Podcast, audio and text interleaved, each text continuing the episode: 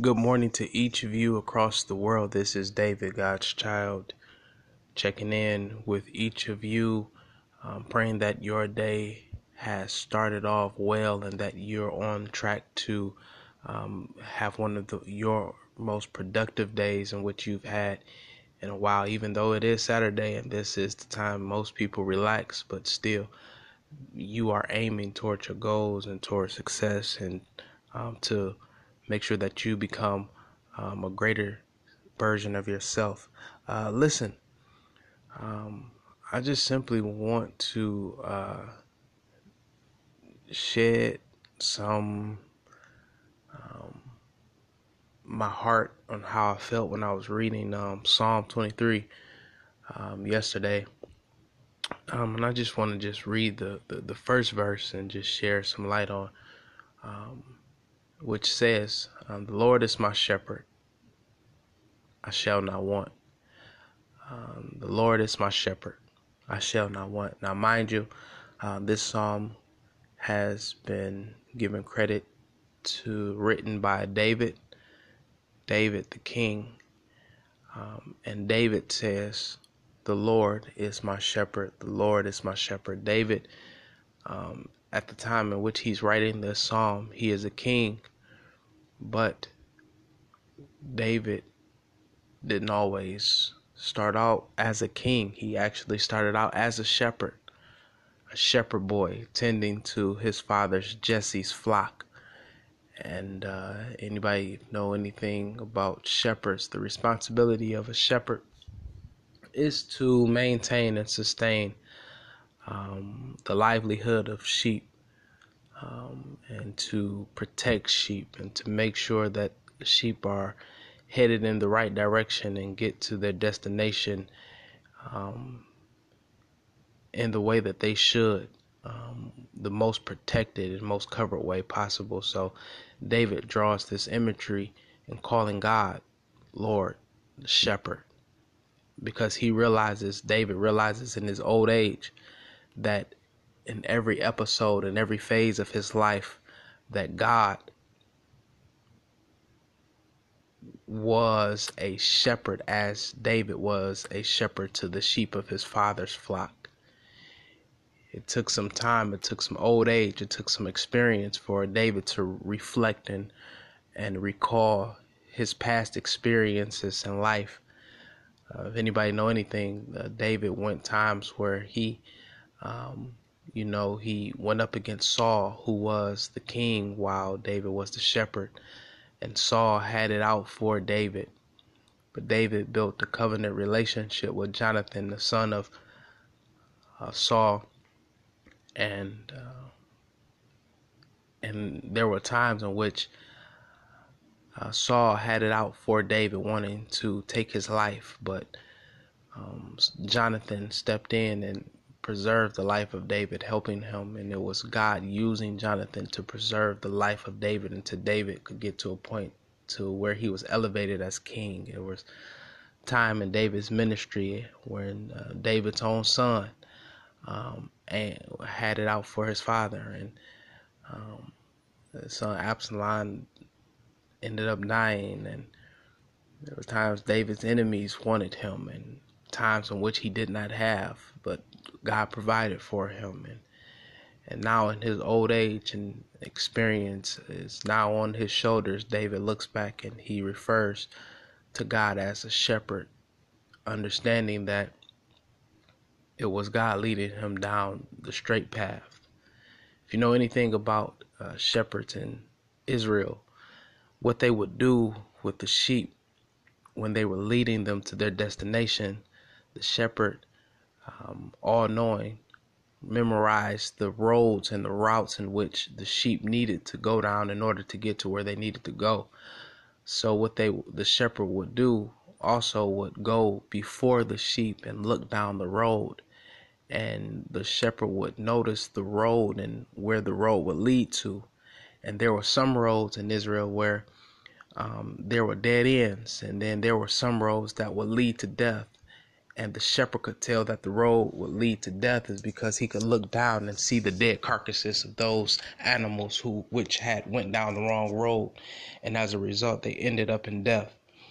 Um, and, and and david in psalm 23 says the lord leads me down paths of righteousness. He leads me down the right path. So when david is referring to the responsibility and the obligation of the shepherd he's really telling us that just as the shepherd was to the sheep, God is a shepherd unto us as well. Is that many times, oftentimes, in which you are going down this path, the God, the shepherd, he is leading you down the path in which you should go to get you to that destiny, to get you down to where God wants you to be.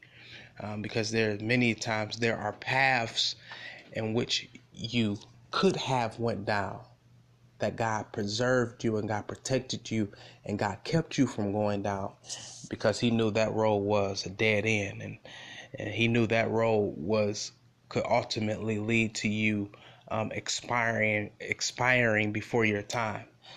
Um, so sometimes we got to thank God for the rejections. A lot of times when people say no and when we get rejected, we feel as if um, that we we don't like rejection. We don't like when people say no. So we we feel a certain way when somebody says no.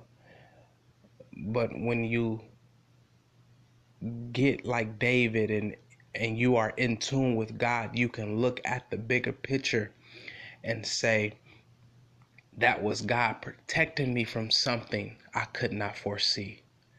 And God is all knowing, He is all encompassing. He knows his plans and which he has for you and where he wants you to be. And sometimes god gives you a no through the through the, the, the vessel of a human. And humans are saying no.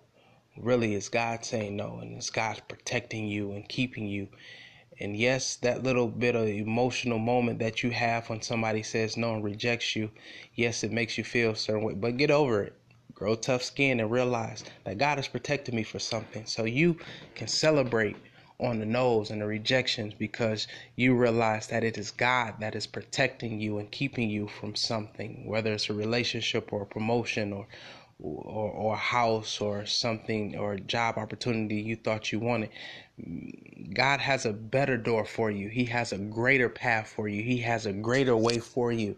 And if you can get in tune with God, you can realize and say, just like uh, David could say, It is uh, the Lord is my shepherd, and I shall not want. He says, The Lord is my shepherd. Shepherds had the um, the responsibility of leading the, the, the sheep, their flock, in areas to where they could eat so they have enough nourishment. And there were different locales in uh, Israel where um, the mountain was faced in a towards the Mediterranean, and the way that the sun um, aimed would face the, the, the, the, the mountain caused different green pastures to rise up and they were and they were just enough for the sheep to eat.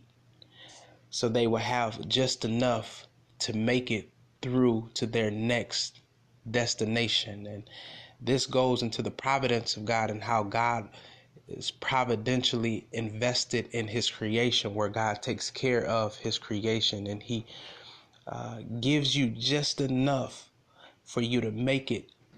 And I know that is contrary to popular belief because most say that they want prosperity and they want abundance. And God is that type of God. God can do exceedingly abundantly above all we can ask or think of according to the power that worketh within us. He is an abundance God. But in the context of Psalm 23, uh, David draws on the shepherd and saying that God uh, he he gives us in, in, throughout the journey he gives us just what we need in order for us to make it to our next phase our next chapter our next episode and that's good news within itself when you think about God always, somehow, some way, God is making something happen. God is always providing. When you were short in finances, God seemed to make this happen. When you it seems as if you were limited in your options, God somehow, some way made available to you another option. When you didn't know which direction to go in, and somehow, some way, something, the light bulb came on and it told you to go this way. And thanks be to God that you followed that inkling and you went where your spirit told you to go. It was God telling you, okay, this is the way in which you should go. So the shepherd directs us, the shepherd leads us in the paths in which we should go in order for us to have what we need so that we can make it to the next phase of life. And if you were to just spend 10 minutes to just reflect at different episodes, past episodes in which you've been through, that you realize, wow, it was God. God was there. God was providing for me. God got me from here, from point A to point B to point C, point D. I don't know how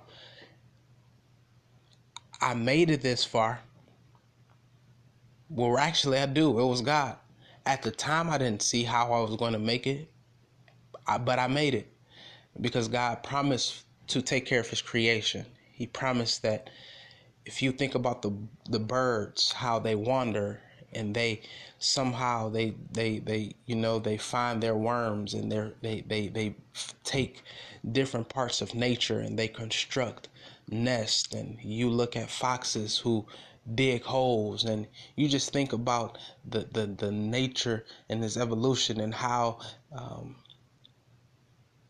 the animals of the earth begin to create and and and they are sustained and maintained throughout the course of life it's because God is taking care of them and if God can take care of birds that are flying from you don't know where they're coming from or where they're headed to but they are in constant motion and constant moving from point A to point B, if God can take care of that bird, if God can take care of stray and wandering animals, God can definitely take care of man. Who art thou? Who art man that he visiteth me? God has crowned you, God has elevated you, and God is going to take care of his creation because that's the type of God that promised to take care of us. All right, I pray that this message blessed you and I pray that you keep the strength. And remember, the Lord is your shepherd, and you shall not want. Go in peace. Love you.